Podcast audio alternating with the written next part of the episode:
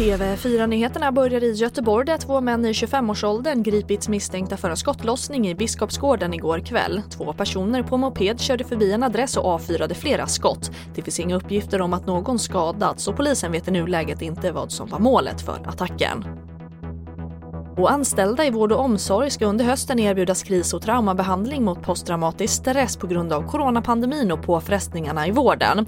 Regeringen och samarbetspartierna anslår en halv miljard kronor.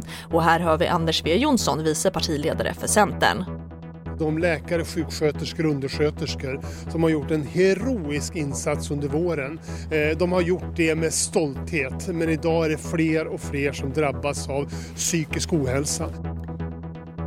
Och nu kommer krav på att regeringen ska avsätta pengar så att alla äldre kan erbjudas vaccin mot pneumokocker utan kostnad, det tycker företrädare för KD, SD och V, rapporterar SR. Pneumokocker orsakar allvarliga infektioner som lunginflammation och en kostnadsfri vaccinering i alla regioner skulle kunna innebära att belastningen på vården skulle minska. Och det var det senaste med TV4 Nyheterna. Jag heter Charlotte Hemgren.